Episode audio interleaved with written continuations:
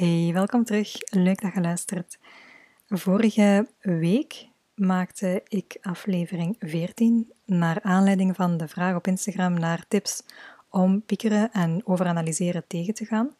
En ik deelde in die aflevering drie praktische tips die je direct kunt inzetten en ook kunt uittesten. In deze aflevering gaan we de diepte in. Dus we gaan kijken naar de oorzaak van overmatig piekeren en overanalyseren van dingen uit het verleden of ook eerder van de toekomst. Nu, waarom gaan we de diepte in? Omdat ons als HSP'er helpt om bepaalde zaken te plaatsen als we de oorzaak of de reden ervan kennen. Dan kunnen we vaak al een stukje loslaten. Dus uh, voilà. Om te beginnen, een klein stukje theorie. Um, in ons brein is er een gebied waar enerzijds stress en emoties verwerkt worden. En dat is onder andere het gebied waar de amygdala en de hippocampus zitten. Dat is in het centrum van ons brein. In een ander gebied zit ons logisch en rationeel denken en ook ons relativeringsvermogen. En dat zit eerder vooraan in de prefrontale cortex. En in normale omstandigheden communiceren die twee delen van onze hersenen continu met elkaar. Wanneer dat we gewoon door het dagelijkse leven gaan, maar ook wanneer dat we iets meemaken. Ik ga een voorbeeldje geven. Je zit bijvoorbeeld in een pretpark, in een spannende attractie, en je hebt verschillende emoties. Hè. Je hebt enthousiasme, gevoeld enthousiasme, maar ook wel wat spanning of zelfs misschien echt wel een beetje angst. Maar je weet, rationeel, ik zit goed vast, er kan niks gebeuren. Je hebt op dat moment eigenlijk een goed werkende communicatielijn tussen die twee hersengebieden. Nu, wat gebeurt er in ons brein bij langdurige stress of te veel stresspieken, kort na elkaar? Die communicatielijn tussen ons emotionele verwerkingscentrum en ook ons relativeringsvermogen wordt verstoord of valt zelfs soms gewoon helemaal weg. Dat is altijd tijdelijk, gelukkig, dat zeg ik er wel even bij. Maar wat gebeurt er als er storing zit op die communicatielijn? Ons emotionele centrum verliest eigenlijk zijn klankbord, namelijk het, het relativeringsvermogen en de ratio. En we blijven hangen in emoties, in stress en heel vaak ook in angst waardoor dat we in overmatig piekeren kunnen schieten. We kunnen dan echt zo de neiging hebben om te blijven hangen in een probleem in plaats van over te gaan naar ja, mogelijke oplossingen. Of we blijven steken in een bepaalde angst of in doemscenario's, waarvan de kans heel groot is dat ze nooit werkelijkheid zullen worden.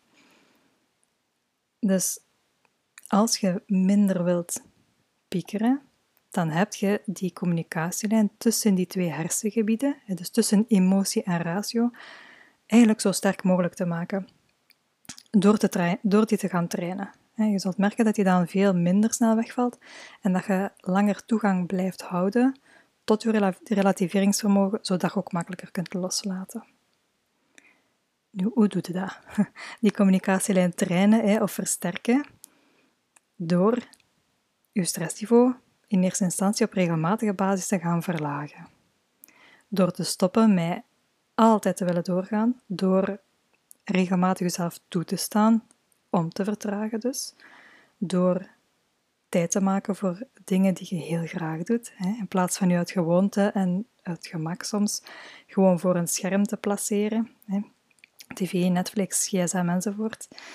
Um, hoe doe je dat nog, hè, die communicatielijn trainen door voldoende te slapen.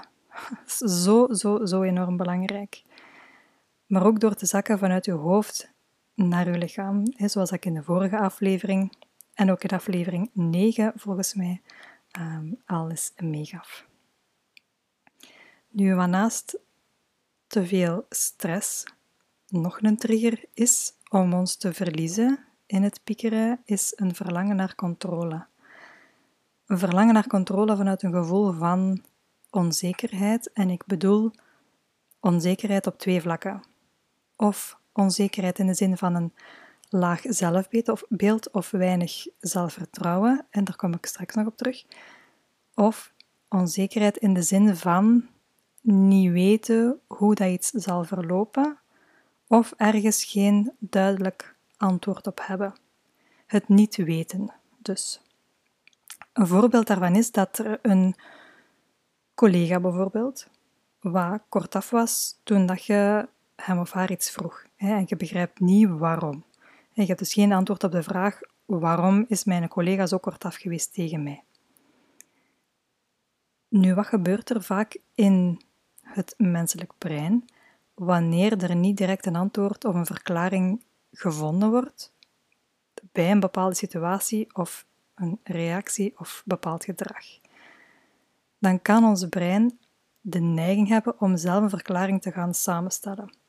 Als mensen hebben wij de neiging om soms te gefixeerd te zijn op het vinden van een antwoord, dat we liever een uitvinden dan te accepteren dat we het antwoord eigenlijk niet weten.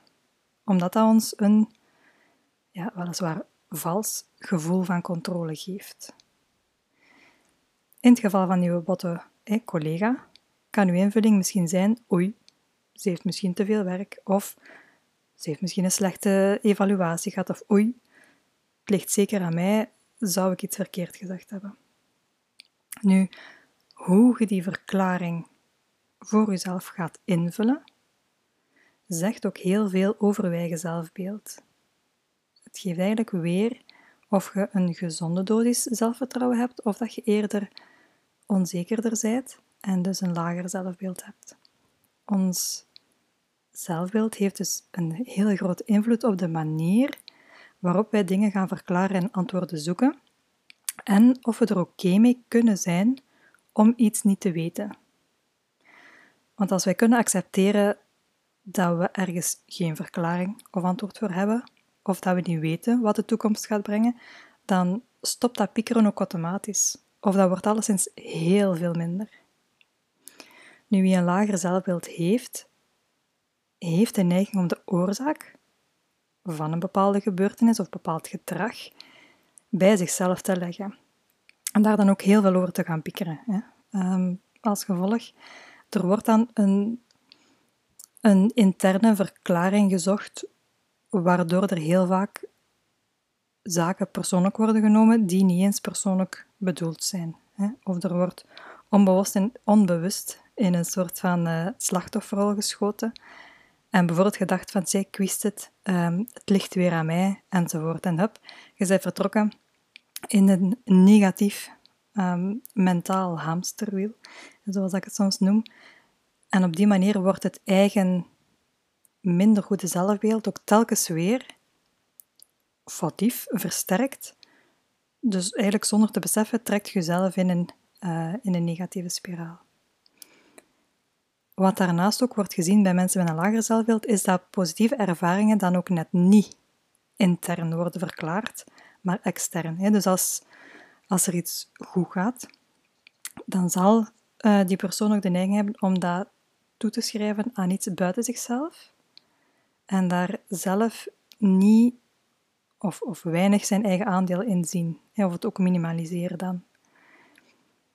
Iemand met een goed zelfbeeld en gewoon voldoende zelfvertrouwen, zal bijvoorbeeld bij het botte gedrag van die collega in het voorbeeld een objectievere inschatting proberen maken.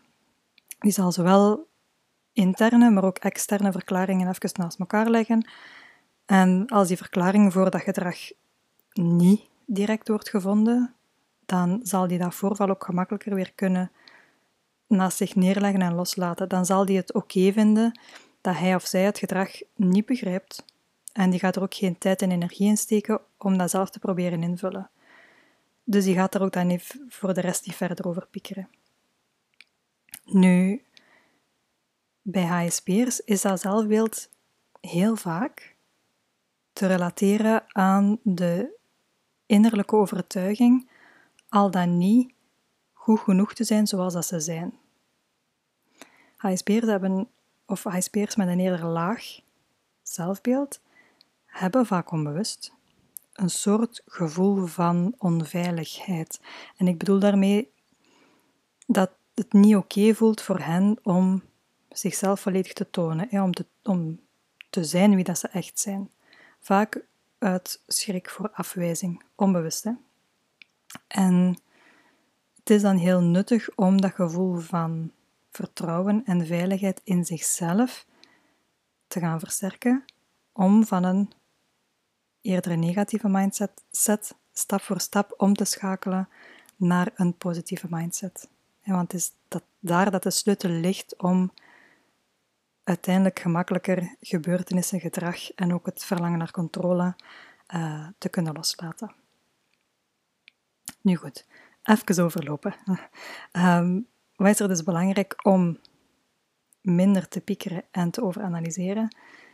Eén, zorgen dat je dus een mooie balans hebt tussen stress, maar ook ontspanning. Je moet stress niet vermijden, dat is ook niet de bedoeling. Dat gaat ook niet, dat hoeft ook niet. Maar er mag een mooie balans zijn tussen stress en ontspanning.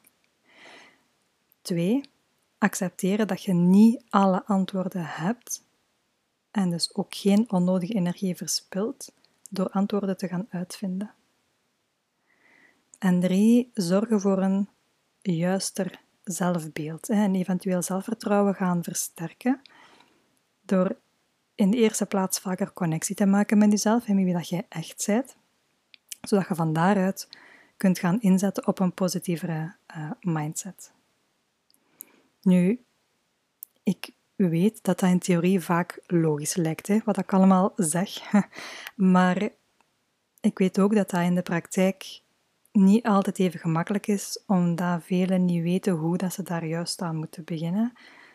En het is vaak gemakkelijker om bij de hand genomen te worden en daarin begeleid te worden, zodat je het niet allemaal alleen moet uitzoeken en moet liggen uittesten. En ik heb daarom eigenlijk besloten om nog eens een virtuele open deur te doen voor de HSP Haven. Speciaal voor wie op zoek is naar meer innerlijke rust, eh, naar een betere connectie met zichzelf en naar een positieve uh, mindset. Maar dan wel op een laagdrempelige manier, gemakkelijk te integreren in het dagelijkse leven, maar toch met een grote impact.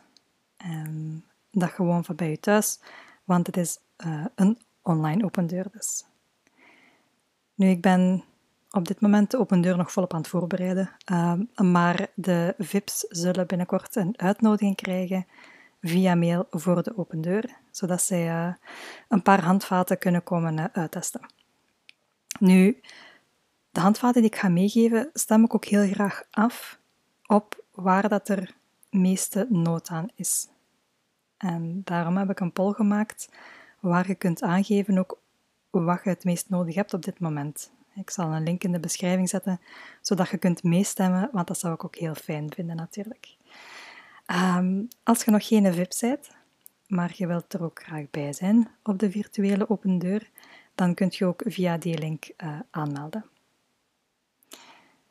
Voilà. Ik hoop dat er weer een paar puzzelstukjes op hun plek zijn gevallen. Um, ik moedig je ook sowieso aan om wat vaker uit uw pieker, hamsterwiel uh, te springen, want je zult merken dat de wereld gewoon blijft doordraaien. Ook al laat je van tijd tot tijd, alles is gewoon helemaal los. Heel fijn dat je luisterde en tot de volgende podcast.